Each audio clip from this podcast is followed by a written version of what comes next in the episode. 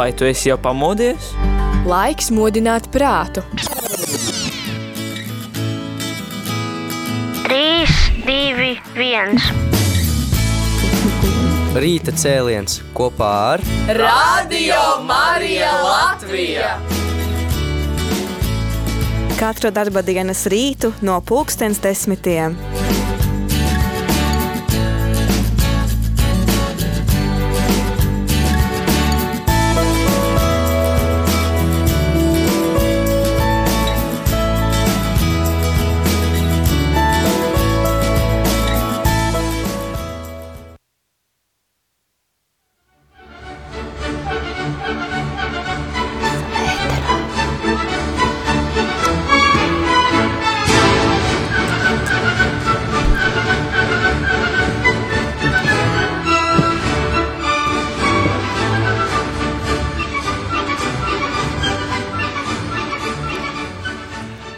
Labrīt, radio arī klausītāji šeit kopā ar jums šodien ceturtdienā, 2. decembrī, tādā ļoti sniegotā baltā dienā. Esmu es Aija Avotiņa, un šodien šajā raidījumā, rīta cēlienā, es neesmu viena. Man blakus studijā ir divas jaukas dāmas. Viena no tām ir Dace Indrika. Labrītāja. Un pie otra mikrofona ir uh, psihota, psihoterapijas speciāliste Aina Poša. Labrīt. un uh, šodien uh, Radio Marija ēterā rīta cēlienā izskan uh, pēdējā veselības maratona diena, kas arī ir Dacis Indrikas uh, projekts, vai ne? Vi Tu esi viena no, kas ir iesaistīta šajā projektā. Un šodien mēs sarunāsimies ar Ainu Pošu par? Nu, par ģimeni un to, kas ir būtisks mums visiem. Un, un, jā, labrīt, mīļie klausītāji un skatītāji.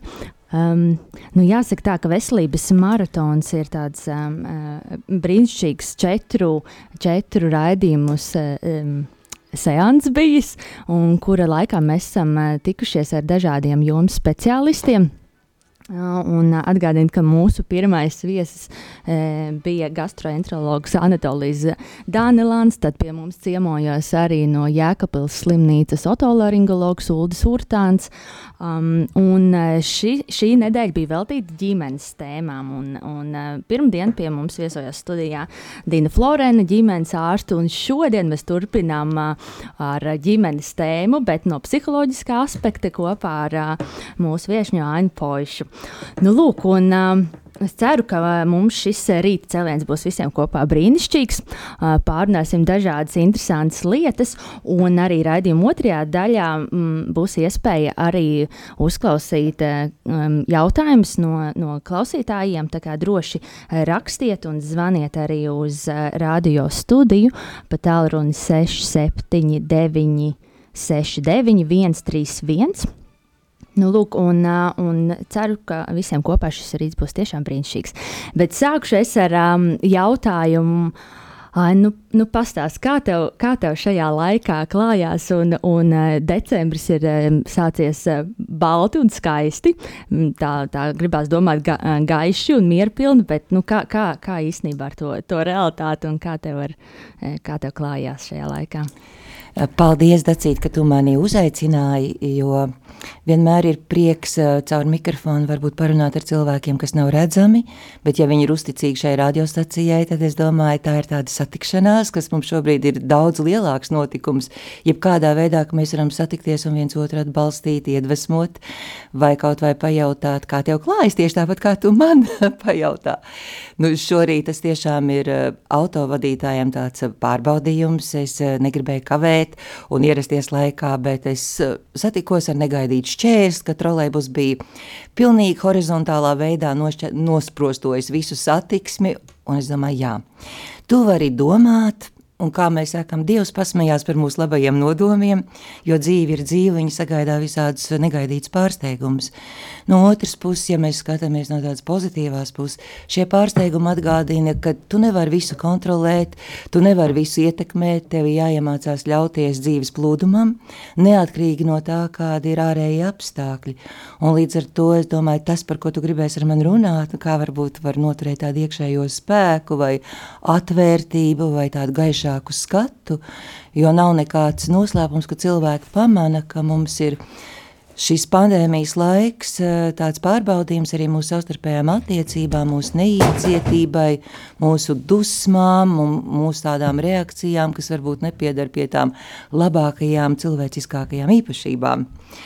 Un tad es domāju, parunāt par to, ka mēs varam sākt varbūt kontrolēt vairāk savu uzvedību, lai mēs turētos kopā, nevis lai mēs viens otram darītu pāri.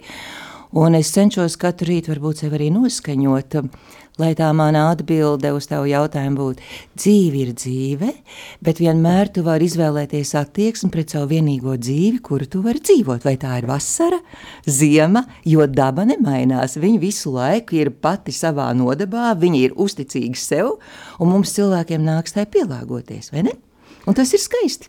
Tieši tā, un ziemā arī sevi uzturēt nelielu pavasari vai, vai vai vasaras sajūta būtu tikai brīnišķīga. Jā.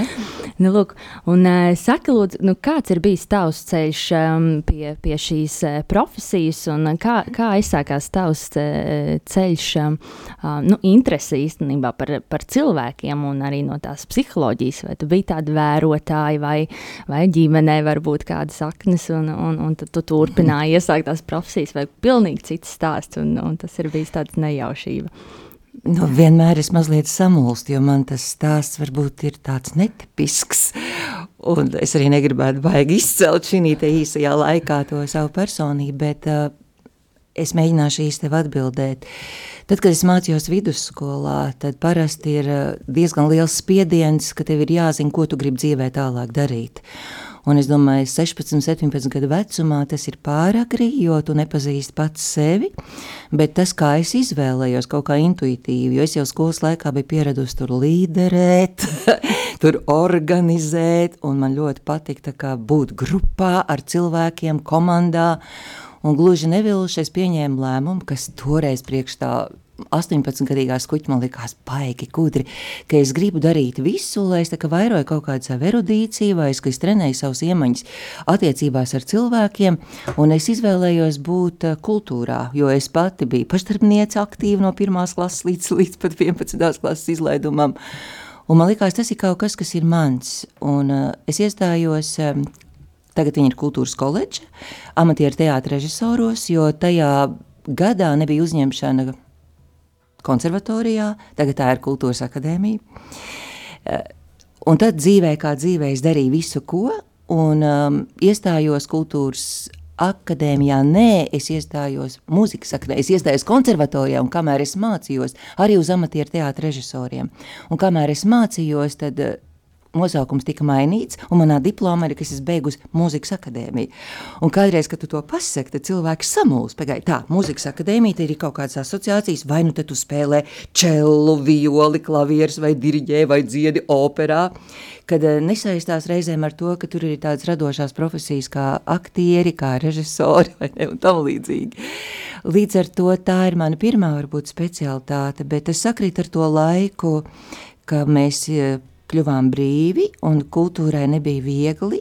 Man bija mazs bērniņš, dēls, kurš bija bebīts, un es gribēju būt laba mamma, un sapratu, ka es nevaru simtprocentīgi ļauties un tagad būvēt ar visu savu atbildību, producēt, meklēt, organizēt, iestudēt, veltīt darbam, kam man gribējās veltīt to bērnam. Un līdz ar to tas aizgāja tā kā novārtā.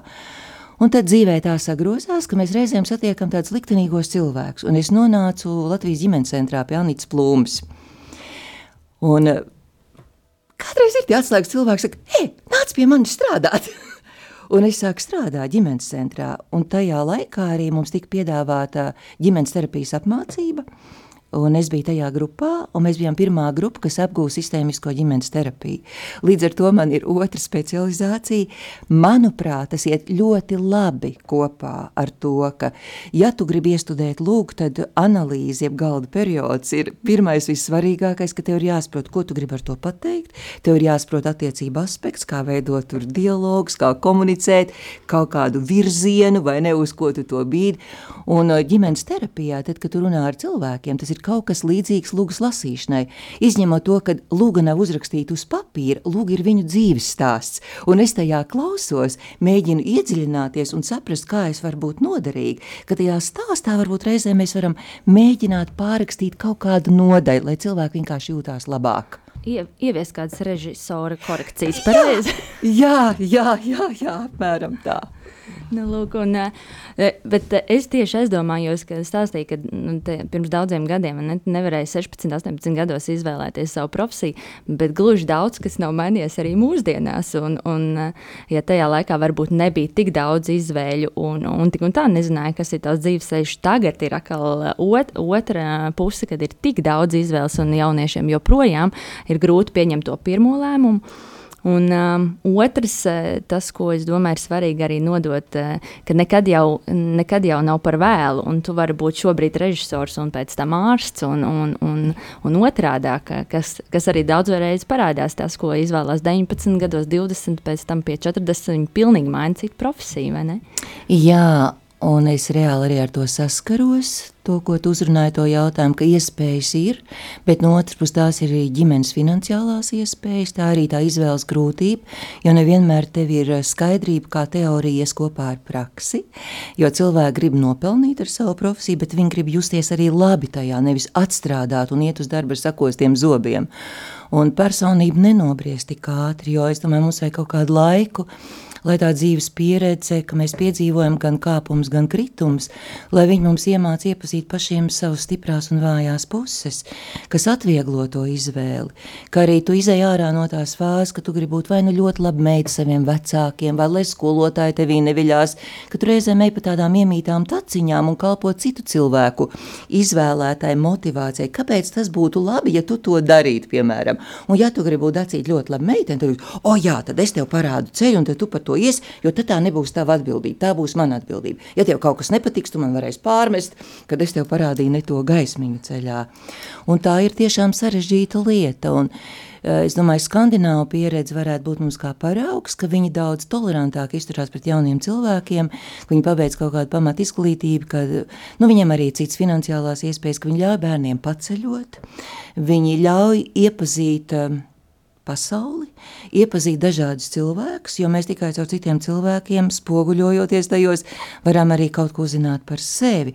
Nu, kaut kādu rūdījumu, patstāvību, autonomiju, rūdījumu, tikt galā ar grūtībām, jo, ja bērns no siltumnīcas apstākļiem, jo vecāki jau parasti rūpējas par saviem bērniem, reizēm viņi to dara par daudz, pēkšņi viņš tiek izstumts lielajā dzīvē, es domāju, tas ir tāds apjukums. Un tā, zinām, patstāvības dēva dod arī tādu pašapziņu, ka tu vairāk vari noticēt pats sev un saprast, ka nekas tev nav jāpierāda. Tu drīkst būt oriģināls, bet tu mācies sadarboties ar citiem cilvēkiem, un tad lēnā garā tu vari savas prioritātes salikt. Ir eh, jauni cilvēki, kas izdomā vispirms viņi nodibinās ģimeni, jo viņi grib būt jauni vecāki saviem bērniem, tad bērni paaugsies un pēc tam viņi turpinās izglītību. Citi otrādi. Citi saka, nē, vispirms mēs tā kā nostiprināsimies paši, iegūsim stabilitāti, iekārtosim savu ģimenes likstiņu, lai mums ir dzīves telpa, lai mums ir kaut kāds drošības pilvens, un tad mēs veidosim ģimeni. Kā ir pareizi, neviens jau nezina, kā katram tas stāsts veidojās. Galvenais, ka tas vispār iet uz priekšu un tā dzīve tiek dzīvot, nevis par to tiek spriedelēts. Man šķiet, arī e, tā, tie divi scenāriji, vai nu izplāno, vai ne, un, un kad būs bērni un kāda ģimene. Tas arī ir tāds, mm, šķiet, ka arī teiciens vietā, ka Dievs mēdz pasmieties par taviem plāniem, jo visiem jau liekas, ka tūlīt būs brīnišķīgākā profesija, vīrs, sieva un bērni, un, un, un nevienmēr tas, tas ir iespējams dažādi iemeslu dēļ. Kā, nu, iespējams, Jā. tavs aicinājums katram ir pilnīgi cits un, un, un kādu, kādu misiju piepildīt, vai ne? Jā, bet es mazliet piepildīšu. Es ļoti biju pārsteigta, patīkami pārsteigta. Kaspars Simonovičs, viņš strādāja ar, ar, ar pāriem, kas bija pieteikuši laulību. Un man daudzi pāri teica, ka tas ir tik patīkami dzirdēt, kad mēs neesam tā kā opozīcijā. Viņš arī saka, vispirms iepazīstiet viens otru, vispirms saka, saprotiet kaut kādas pamata jautājumus un izglītojieties, ko tas nozīmē veidot ļoti atbildīgi un ļoti nopietni attiecības, izvēloties par ceļabiedru cilvēku, kas nav tikai īslaicīgai lietošanai.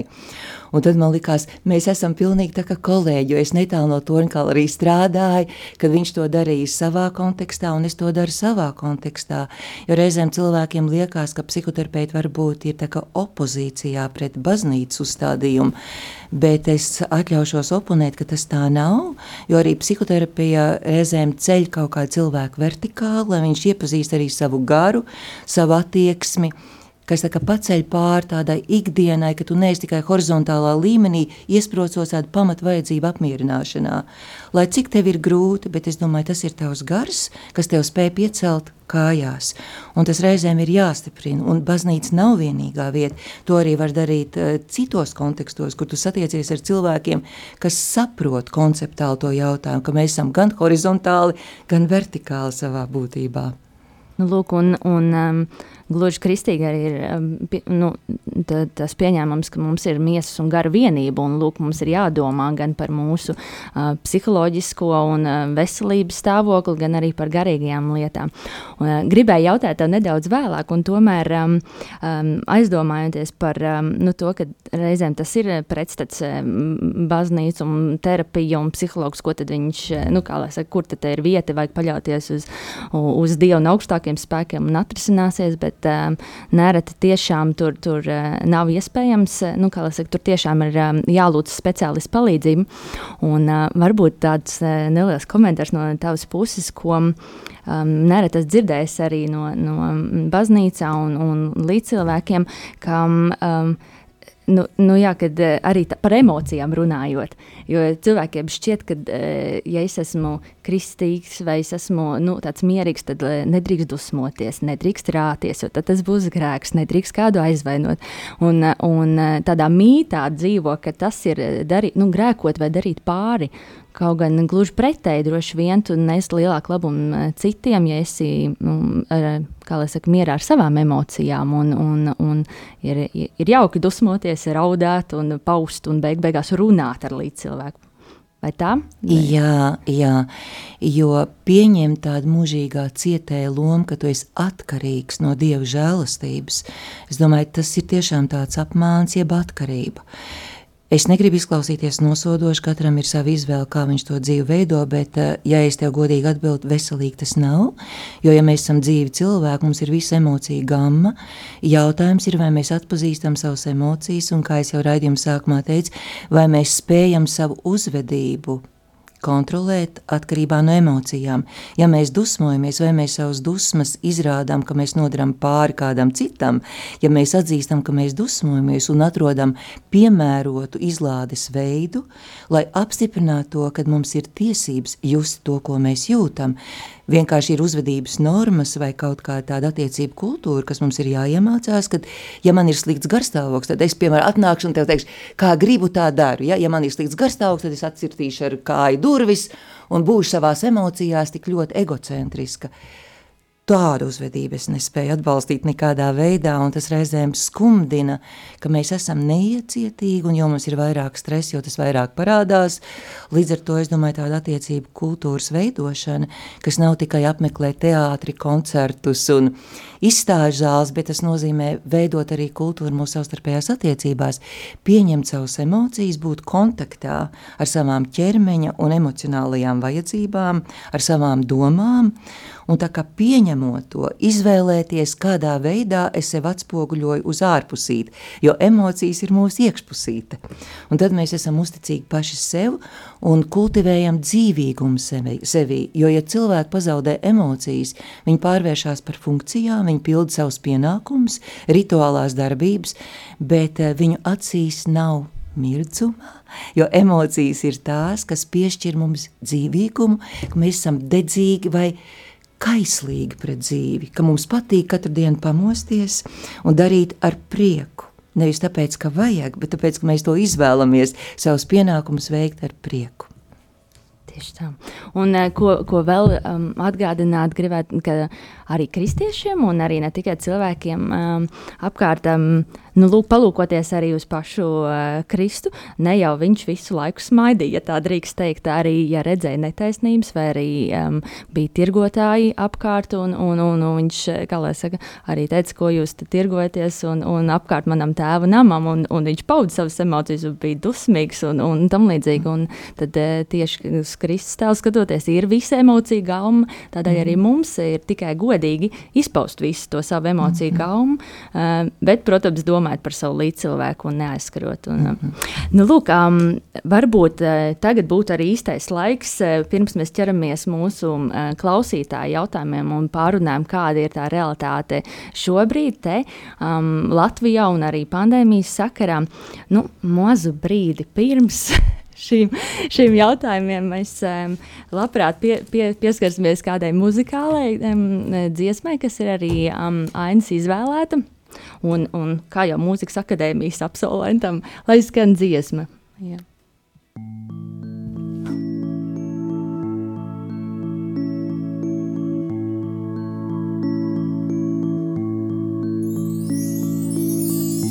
Mazu brīdi, mazu brīdi pirms, mazu brīdi pirms gaismiņās, kad putni vēl nav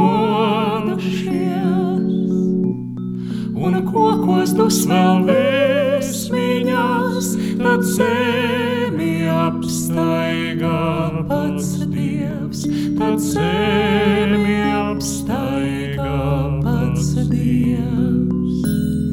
Mazu brīdi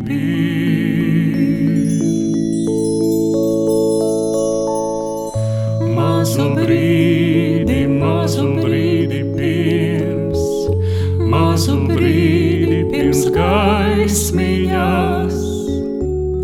Viņš iet pa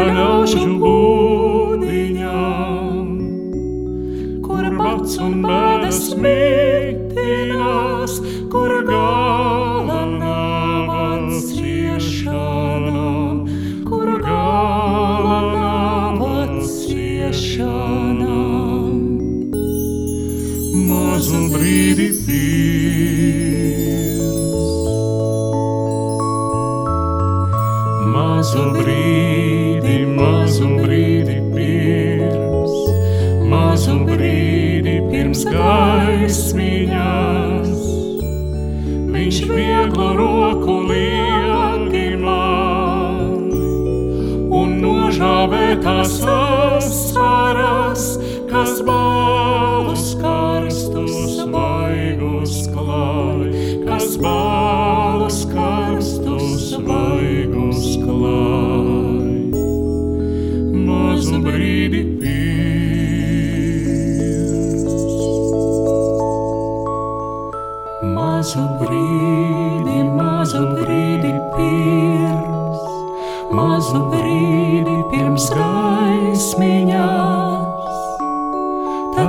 pasaulē tik viegli kļūst, pats Dieva miers par zemi plūst.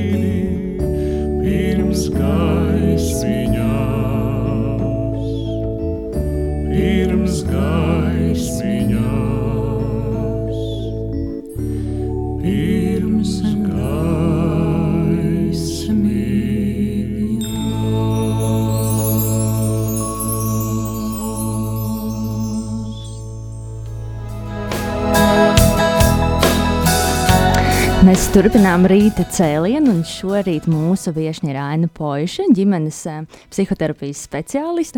Uh, mūsu tēma ir um, emocijas un sajūtas, arī tās, kuras mūs pārņem tagad, decembrī un pandēmijas laikā. Un, lūk, mums jau ir arī viens no jautājumiem, um, nu, kas nebūs droši vien um, tavā profesijā nekāds jaunums, bet tomēr, nu, kā mazināt to trauksmes sajūtu, ko rada um, vispārējā situācija un, un kaut kādā ziņā nu, jau pusotrs, te divi gadi tādā neziņā, nemierā.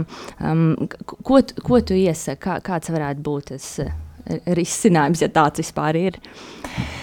Es kļūstu ļoti uzmanīgi uz šiem jautājumiem, jo man liekas, cilvēki ir tā nokaitēti, ja viņiem sāk mācīt uh, dzīvot, tad tas izraisa vēl lielāku pretestību, nekā viņi jau ir radusies pretestība. Pretestība, kas ir, ja spiež darīt kaut ko, ko viņi negrib, piemēram, sakarā ar, ar vakcinēšanos vai sakarā ar noteikumu ievērošanu, tad es kaut kā domāju, ak, jē, ja vēl tagad eh, mani kolēģi un es tā skaitā sākšu dot kaut kādas uh, pamācības, vai tas neizraisa pretējo reakciju.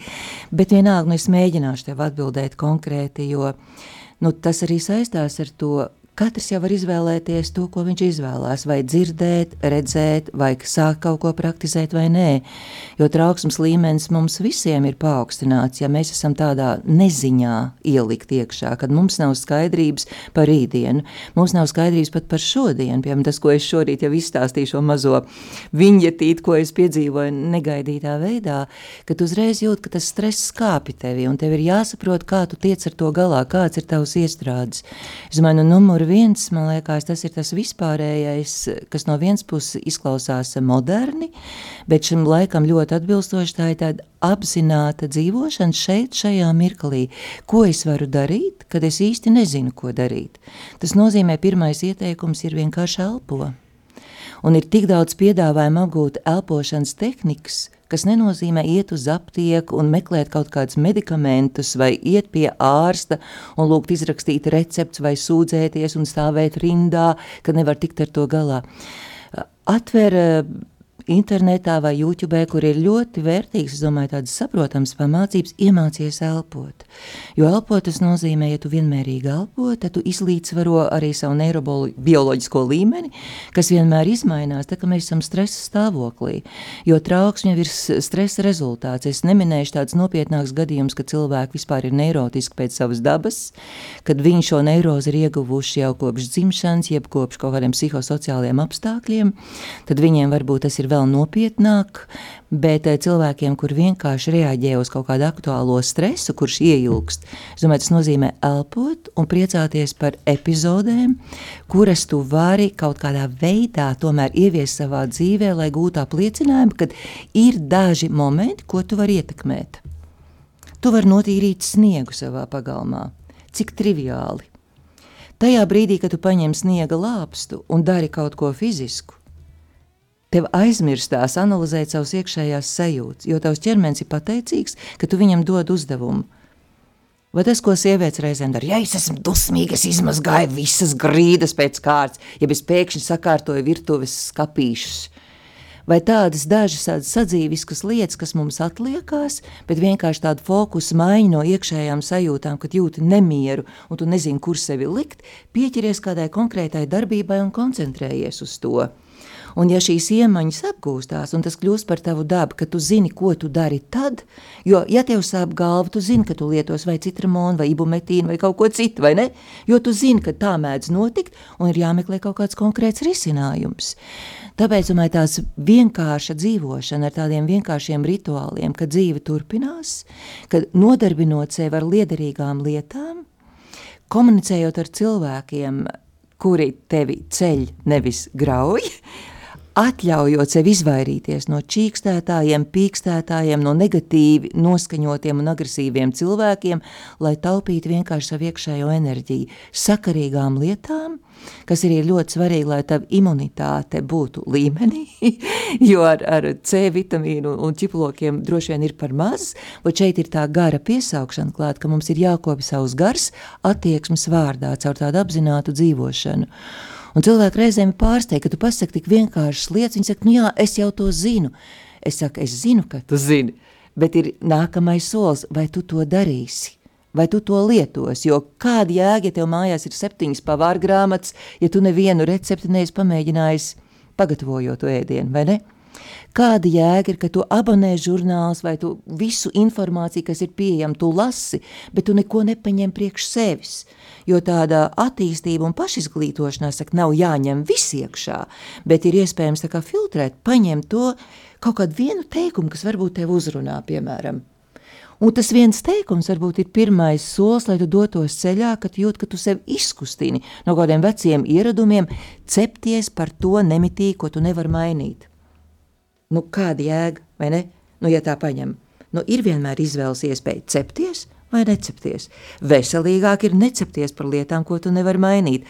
Pārlaid, un reizēm lietas nokārtojās pašas, vai ne? Ja tu ļaujies un uzticies, ka tā dzīve plūst, un ja tu esi mierīgs un kaut cik pašpietiekams, necel uzreiz milzīgu vētru ūdens glāzē, tad redz, ka viss arī nokārtojās, izņemot krīzes situācijas, ka vienkārši ir jārīkojās.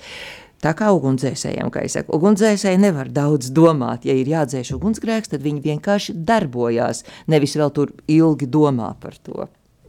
Nu, re. un man šķiet, šī varētu būt arī brīnišķīga atbilde arī uz vēl vienu klausītāju jautājumu par to, kā izdzīvot šo neprasto laiku, kad uh, tas, ko mēs dzirdam, ir uh, vakcinēšanās un pandēmija 24 stundas diennaktī, tad arī ir tik daudz tie aizliegumi, ka nedrīkst iet, nedrīkst satikties, nedrīkst varbūt strādāt, cits nedrīkst iet uz skolu.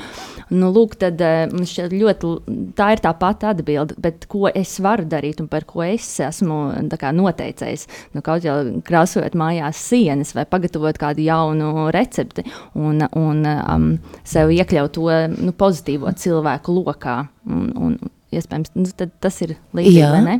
Un mums nav aizliegts iet dabā, Un tas varbūt arī ļoti liela cilvēka daļa ir aktivizējis, jo es pamanu cilvēks, kas skrien, tagad ir sniegs, es domāju, tūlīt sāksies arī slēpošanas sezona, kad vecāki ar ragaviņām vakar tumsā ar izgais, pa izgaismotām ielām pārvietojas ar bērniem.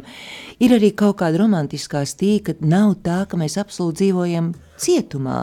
Mums ir ierobežojumi, Un es domāju, tur ir kaut kāds pamatojums tiem ierobežojumiem. Viņi nav vienkārši nokrituši tā kā sniegs no debesīm.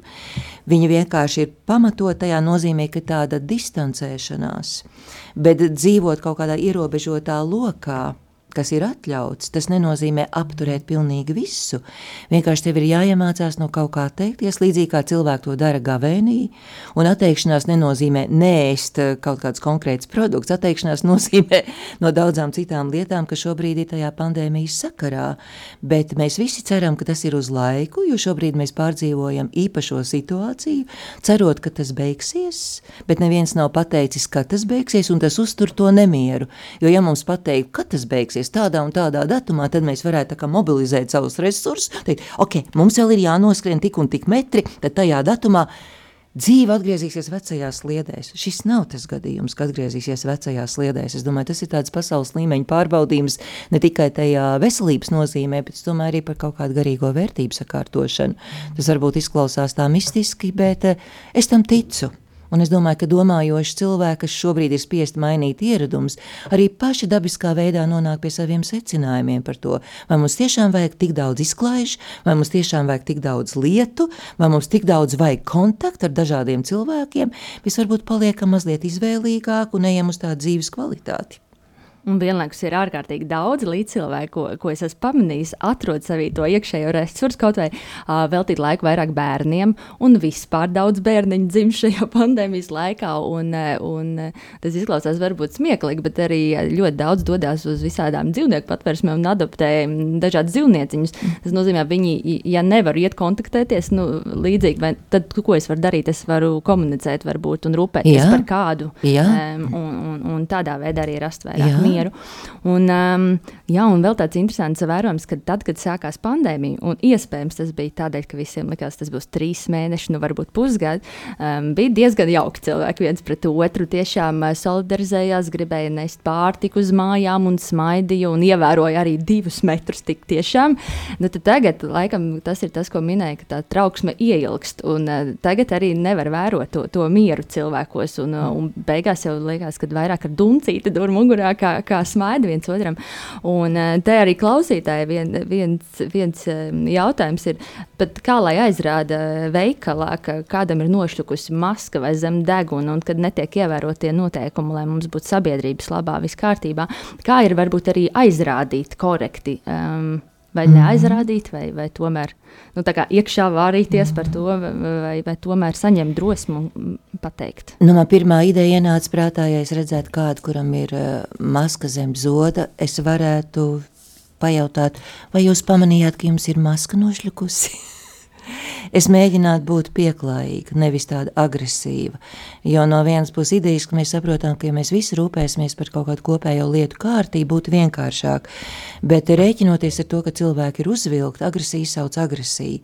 Tad varbūt, ja tu vari mierīgi pievērst uzmanību cilvēkam ar tādu, nu, piebraucienu maigāk, nevis uzreiz ar bombu papīri, ka tā atsaucība varētu būt uh, efektīgāka nekā tad, ja tas ir tāds agresīvs uzbrauciens. Bet tas ir izvēles jautājums, jo es domāju, cilvēkiem ir jāsaprot, vai viņi grib būt aktīvi, un tas mūs visus apvienot vairāk, ka mēs visi ejam uz vienu mērķi, vai viņi vienkārši tas uz mani neatiecās. Ja? Es vai nu norīju, vai turpinu, ja? vai vienkārši uztais to uzbraucienu tādā agresīvā veidā, kas ir tāda pārspīlēta aktivitāte.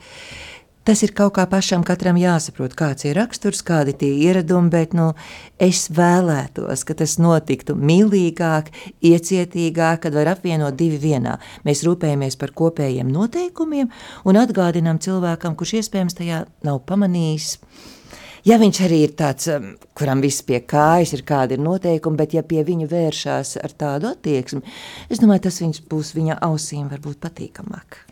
Ja, un varbūt arī kāds joks, bet uh, šis laikam ir arī tas gadījums, ka ne tikai saturs, bet arī forma, kādā veidā mēs komunicējam un nododam savu ziņu, ir ārkārtīgi svarīga. Uh, ka, nu, tad varbūt noklusējam, ja redzēsim, ka pretī būs lielais rājiens, un varbūt tiešām izspēlējam joku, bet uh, nedusmīgi un uzbrukoši. Jā, jo tā arī tā mūsu atbildība, pa ko es daudz domāju, lai nenostātos nu, nevienā, ne otrā polaritātē. Ka ja mēs arī šādā mazā situācijā izjūtam atbildību par kopējo lietu, tad es domāju, tā arī tā atbildība, ka mēs saprotam, ka mūs neviens negrib iznīcināt. Bet ja mēs pieķeramies kaut kādām teorijām, ka kādam ir slepenie nodomi mūs iznīcināt, tad saprotams, ka tie cilvēki nedzird to, par ko mēs tagad runājam, ka tā ir katra paša atbildība un visa sabiedrība kopumā mēs veidojam katrs. Mēs nevaram sēdēt šeit pie galda un runāt par sabiedrību vispār. Mēs arī esam sabiedrības locekļi. No tavas attieksmes, no manis, no aijas attieksmes ir ļoti daudz kas atkarīgs, vai ne? Un tas ir tāds mazumiņš. Vai nu mēs ejam ejam veikalā un redzam citus cilvēkus, ar kuriem kopā mēs apdzīvojam Latviju, tad, ja mums ir tā kopēja atbildības sajūta, ka mēs viens otru redzam, pamanām un atgādinām kaut ko, paejam, nepaejam cilvēkam garām, kurš, piemēram, ir nokrits, un, un pajautājam, vai vajag palīdzēt, mēs redzam viens otru, vai ne? Un man liekas, tas ir daudz humānāk, uz ko būtu daudz patīkamāk iet, nekā uz tādu sabiedrības šķelšanos, kad uh, paliek cilvēki par ienaidniekiem, tādi, kas ir bijuši draugi.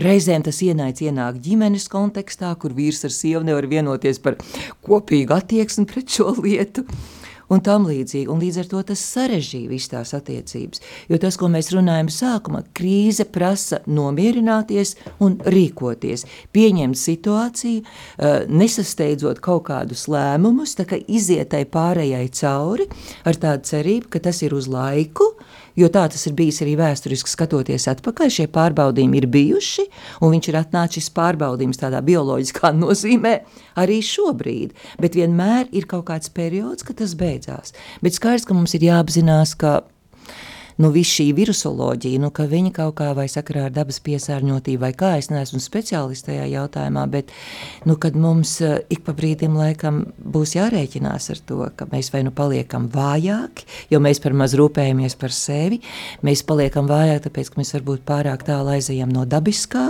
aizejam uz ķīmisko, un zināmā mērā visi šie faktori sasumējoties, mums sūta to, ka mums tagad ir jāizdomā, ko ar visu to darīt. Tieši tā.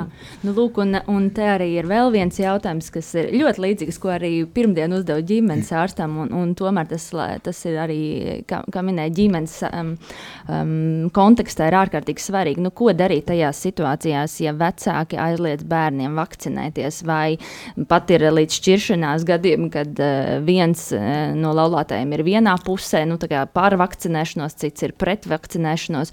Nu, ko darīt? Tas, kad, kad dienas kārtībā ne tikai vīrusu, bet patiesībā arī tāds ģimenes izdzīvošanas jautājums. Jā, jo bērni tas šobrīd ir vājais punkts, un šobrīd es pamanīju, ka tas sāk aktualizēties, jo tiek iepirktas speciālās vakcīnas eh, bērniem. Bet, eh, lai tā vecāku attieksme mīkstinātos pret šīm vakcīnām, man liekas, ka tas prasīs atkal laiku, jo latvieši ir ļoti lēni uz jauno, nu, vai kaut kādu gremošanas posmu. Uh, Un es domāju, ir eh, aktīvie vecāki, kas tiek arī tagad intervēti, kas ar savām liecībām saka, nē, es izsvēru visus par un pret, un eh, es eh, vēlos, lai man bērnam neatņem iespējas darīt tās lietas, kas viņam uztur vitalitāti, apmeklēt pulciņas, bet ir šie noteikumi, kas man liekas ir svarīgāk, kad es varbūt riskēšu, bet es darīšu to, lai mans bērns nepaliek ļoti depresīvs, ka viņam tiek atņemta šīs iespējas, kas uztur viņam to dzīvīgumu. Bet būs cilvēki, kas, es domāju, pret bērniem izturēsies ļoti aprūpējoši, ļoti bailīgi, jo pieauguši cilvēki labāk izvēlās riskēt ar sevi nekā ar saviem bērniem. Man šķiet, es nevaru apgalvot, ka tas prasīs laiku, lai pieņemtu lēmumu vakcinēt arī bērnus, kad vai bērni paši būs tik ļoti jau pieņēmuši to lēmumu priekš sevis un sāk saviem vecākiem uzdot šo izaicinājumu, vai vecāki pirmie, vai tas būs interesanti. Es domāju, tas ir tāds redz laiks, ka mēs varēsim izvērtēt drīzāk pēc tam nekā tagad. Bet viennozīmīgi es negribu arī pozicionēt es kaut kādu radikālu savu viedokli. Es atzīšos, es pat arī biju diezgan piesardzīga sākumā. Es drusciņi kaut kā nogaidīju. Es nebija tāds reiz pārliecināts simtprocentīgi, es kaut kā paļāvos intuitīvi uz savu organismu, kurš ir pietiekami spēcīgs un ves veselīgs, tu, tu, tu, jāpārspļauj pāri pār plecu. Līdz es piedzīvoju ļoti konkrētu saslimšanas gadījumus, ka tas bija mans vīrs, kurš eh, pēkšņi Pirmā analīze bija, ka viņam nav covid, bet otrā analīze uzrādīja, ka ir covid. Tas bija tāds mulsuma brīdis, jo, protams, mēs saprotam, ka cilvēki arī saaugstējās, ka covid nav vienīgā infekcija. Bet tas, ka viņš izgāja cauri, ka tu esi caur tādu tuvu cilvēku, ļoti tuvu tai realitātei, tas palīdz mainīt domāšanu. Tāpēc man liekas, visas šīs cilvēku liecības, kas nonāk slimnīcā un ir uz dzīvības un nāves robežas, ir reizēm efektīvāks nekā tas nāk no ekspertu mutēm, uz kuriem cilvēks skatās reizēm no tie jau dzīvo citā plauktā. Bet, vot, ja kā cilvēks saka, tā ir mana pieredze, es zinu, kas tas ir, es arī sākumā biju pret, tad tas liekas tā kā saprotam. Tāpēc es arī nekautrējos teikt, es sākumā arī biju nogaidošs, man vajadzēja kaut kā salīdzināt, izlasīt, izpētīt, Bet vienā brīdī es sapratu, nu ir pienācis laiks, ka vienkārši es arī uzņemos gan to kolektīvo atbildību, gan arī atbildību neuzskatīt iedomīgi, ka es esmu tik īpašs. Ja šobrīd es esmu vesela, tad neviens garantīs man nav, ka arī vesels ķermenis, jo saslims un inficēs arī ļoti veselīgi cilvēki, kas dzīvo veselīgu dzīvesveidu un ir jauni. Un tas nav tikai tā, ka tā ir riska grupa kaut kāda īpašā mērķa auditorija, uz ko tas Covid skatās ar lupu un saka, tu būsi, tu būsi mans laupījums. Tā kā man liekas, tas ir pārdomu vērts, sevišķi, ja mēs esam jau noguruši un gribētu, lai tas ātrāk beidzās, un mēs esam arī Eiropas kontekstā saistīti, ne tikai ar savu mazo Latviju, kaut gan Eiropa arī mēģina teikt, jā, katrai valstī arī kaut kādas savas tiesības, tā kā izsvērt visus par un pret, bet redz agrāk vai vēlāk visi nonāk dēļ vilšanās sajūtas, kad tāda obligāta piespiedu kārta izrādās ir iedarbīgāk nekā, kad dod cilvēkiem brīvu izvēli. Un tas ir tāds paradoks. Mēs gribētu būt cilvēki, kas ir atbildīgi, jo tas kaut kā ceļ mūsu vērtības sajūtu. Mums nepatīk, ka mums uzspiež, jo mēs no bērnības esam izkāpuši ārā un gribam paši pieņemt lēmumus, bet tik nopietnā jautājumā, redz, izrādās, ka valdībai ir jāpaliek direktīvai vai tādai autoritārā stila pārstāvjiem, lai pateikt, nē, būs tā. Un tad tas ir nepatīkami, jā, kad mums ir krīzes situācija, kur vienkārši kara laika apstākļos, ja cilvēki dzird sirēnu, viņi neuzdeva jautājumus, skriet uz patvērsmu vai nē, viņi vienkārši to darīja. Nu, tagad bumbas nekrīt, bet tas apdraudējums, ka tie cipari tomēr runā paši par sevi, un situācija slimnīcās ir uh, dramatiska. Un man šķiet, eh, tas sasaucās arī ar visu veselības maratonu mūsu ekspertu un piesaistīto mediķu teikto, ka nekādā veidā mēs nevaram piespiest un, un, un eh, nu, kā lai saka, vienīgi aicināt padomāt, tiešām nebūt lepniem padomāt par līdzcilvēkiem, kā minēja tā kolektīva atbildība. Un um, man arī kāds, eh, kā draudzene minēja, viņa saka, es arī visu laiku spurojos par to vakcinēšanos un iet vai neiet, un šķiet, man imunitāte ir stipra, un tad vienlaikus ir um, profesora Danilāna teiktais, ka, kurš eh, ziemā peld, skrien, eh, sporto, pats ir mediķis un, eh, un tiešām ļoti smagi saslima. Un, un nebūt lepniem un iedomīgiem, ka manas zināšanas, vai es nezinu, mūsu muzikālās vai režisora zināšanas ir pārākas par, par virusologiem un, un, un epidemiologiem un tā tālāk, tad nebūt lepniem, būt um, komunicēt ar, ar sabiedrību, palīdzēt. Un, kā, kā minējām, tā, tā man paziņa teica, tajā mirklī, kad eh, es devos pie ārsta un manam bērnam ir lausta kāja, man neienāk prātā apšaubīt ārsta teikto, tāpēc es saprotu, man ir jāglāb bērnam kāju un jāuzticās. Un, un šis laikam ir arī līdzīgi. Mums vienkārši ir mm. jāuzticās zinātnē, mediķiem un, un, un nu, ka tas ir pareizais lēmums. Nu, lūk, un mūsu vispār saruna jau un rīta cēlēs, lai cik būtu aizraujoši eh, beigām, bet es tomēr gribēju vēl pajautāt, jo tu dari vienu arī ļoti, ļoti brīnišķīgu darbu, bez tā, ka tev ir eh, tā psihoterapijas. Um, kā lai saka, savu praksi, kur, kur tu jau krietnu laiku darbojies. Tā vēl tev ir viens tāds uh, sirds projekts, ja tā varētu teikt, vai ne? Rehabilitācijas centrs poga. Nu, varbūt nedaudz, nedaudz pastāst, kā, kā, kā, kā darbiņš arī tur un, un kas ir tas, ko tu dari. Jā, reizēm es esmu pateicīga, ka man atsūta tādas iespējas, kuras es pat nevarētu iedomāties, bet es sen esmu par to domājis, jo pirms daudziem gadiem es vadīju vienu tādu lielu tiešraidi, kur mēs vācām līdzekļus sociālajiem centriem, kurās, kuros dzīvoja bērni ar īpašām vajadzībām. Un es apbraukāju visus šos centrus, un es redzēju, cik milzīgu darbu dara šie cilvēki, kas tos bērnus aprūpē. Man likās, ka tiem cilvēkiem, kas aprūpē, arī vajadzētu dot uzmanību, viņus kaut kādā veidā stimulēt, uh, apbalvot par to viņu ikdienu. Uh, kaut vai tādā materiālā izteiksmē, vai kādreiz vienkārši uzmanības izteiksmē, un paiet gadi.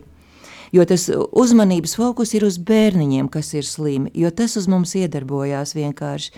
Bet tagad rehabilitācijas centrā poga piedzimusi ir ideja, kas nonāca līdz manā, manām ausīm, ka vai tu negribētu nākt un būt kā atbalsta faktors mamām, kas ved šos bērnus uz rehabilitāciju, un kamēr viņas gaida, kamēr logopēdi vai fizioterapeiti darbojas ar bērniem, kāpēc viņām ir jāpavada tukšā laiks, ka viņas varētu atnākt un norunāt un parisināt kaut kādas arī savas personiskās, emocionāli sastrēgušās lietas kad viņas tādā veidā arī tiktu aprūpētas.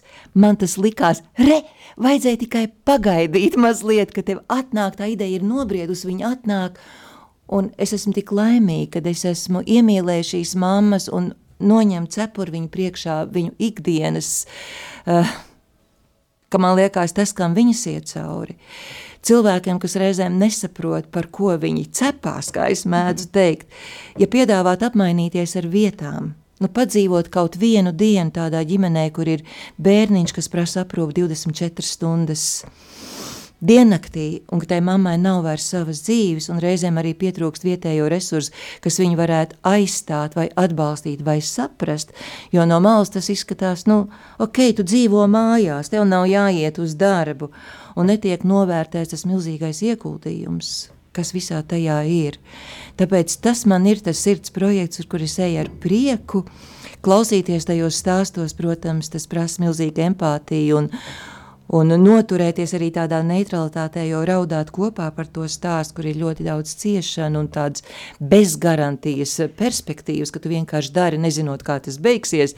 Tāpēc es vēlreiz noceļu cepuru, kur man nav galvā šīs eh, ģimenes, kas tam iet cauri, un, un Dievs dod cilvēkiem ar savu līdzcietību palīdzēt kaut dažiem bērniem, kas tiek parādīti televīzijā vai intervijās, jo ir jāpiesaista, diemžēl, no sabiedrības līdzekļi, lai viņi var iegādāties ortozes vai veikt vismaz operācijas, lai tas process virzās uz priekšu, jo katrs maz solis viņiem iedod cerību turpināt.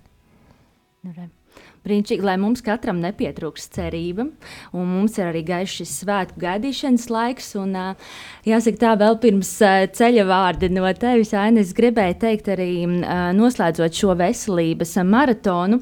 Sirsnīgi paldies visiem mūsu klausītājiem un, un arī skatītājiem pie, pie ekrāniem, kas to var redzēt um, sociālajos tīklos. Atgādinu, ka visus raidījumus, kas ir bijuši uh, no pagājušās nedēļas un šajā nedēļā, kur mums ir viesojušies iesaistīties dažādu eh, jomu profesionāļi un, un, un eh, ārsti, mediķi, tad eh, jūs esat laipni gaidīti noklausīties arhīvā, Radio Marija un arī skatīties YouTube kanālā. Um, nu, lūk, un šodien vēl ir īpaši, īpaši iespēja tiešām aicinu izmantot, sazināties ar ģimenes ārstu ārpus ēteru un uzdot jautājumus, par ko mēs bažījāmies un, un, un varbūt um, bailes vai neziņa arī par to pašu pandēmiju un vakcinācijas jautājumu jautājumiem, zvanot no šodien, no cita, citā laikā, no pulksteņa četriem līdz pulksteņa sešiem vakarā uh, uz numuru 22 33 1947. Atkārtoju 22, 33, 1947. Un, jāsaka arī liels paldies Radio Marija Latvija par šo skaisto raidījumu sēriju un par jauku uzņemšanu šeit studijā. Nu, lūk, un šo veselības maratonu laikā ar jums bija kopā arī es, Dācis Indrika, un šorīt tā Āja Avotiņa, sirsnīgs paldies, lai mums visiem ir gaiši svētki, esiet veseli, esiet laimīgi. Um, Un, Ainas, paldies tev par, eh, par šiem eh, ceļu vārdiem un tādu mieru, un, un eh, lai mums mazinās trauksme, un varbūt nu tad, nu, kādu vēlējumu, vai ko, ko tu vēl beigās gribētu mums pastāstīt, vai novēlēt drīzāk? Zini, kā par spīti sniegiem mēs zinām, ka pavasaris tomēr atnāks, un ticētam, ka pārmaiņas vienkārši ir neapstrīdāmas Un gaidīt pavasari, tas nozīmē, mēs sagaidām tagad Ziemassvētkus, tāpēc es izvēlēju šo skaisto dziesmu mirklis pirms, bet tas dvēseles gaišums, man liekas, visvairāk atverās tieši pavasarī. Pacietība un pavasars būs klāt. Paldies, paldies, un gaidām pavasari un pirms tam Ziemassvētkus. Lai visiem skaists rīta cēliens uz uh, tikšanos citā reizē. Bet nu noslēgsim ar uh, vēl vienu um, ainas izvēlētu kompozīciju. Uz tikšanos! There was a secret chord that David played, and it pleased the Lord. But you don't really care for music, do you?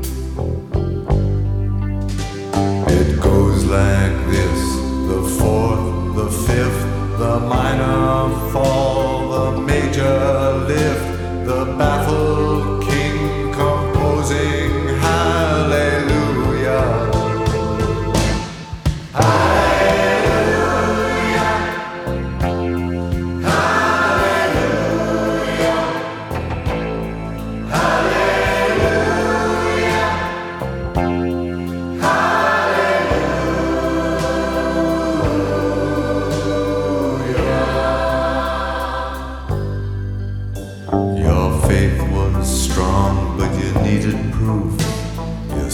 her bathing on the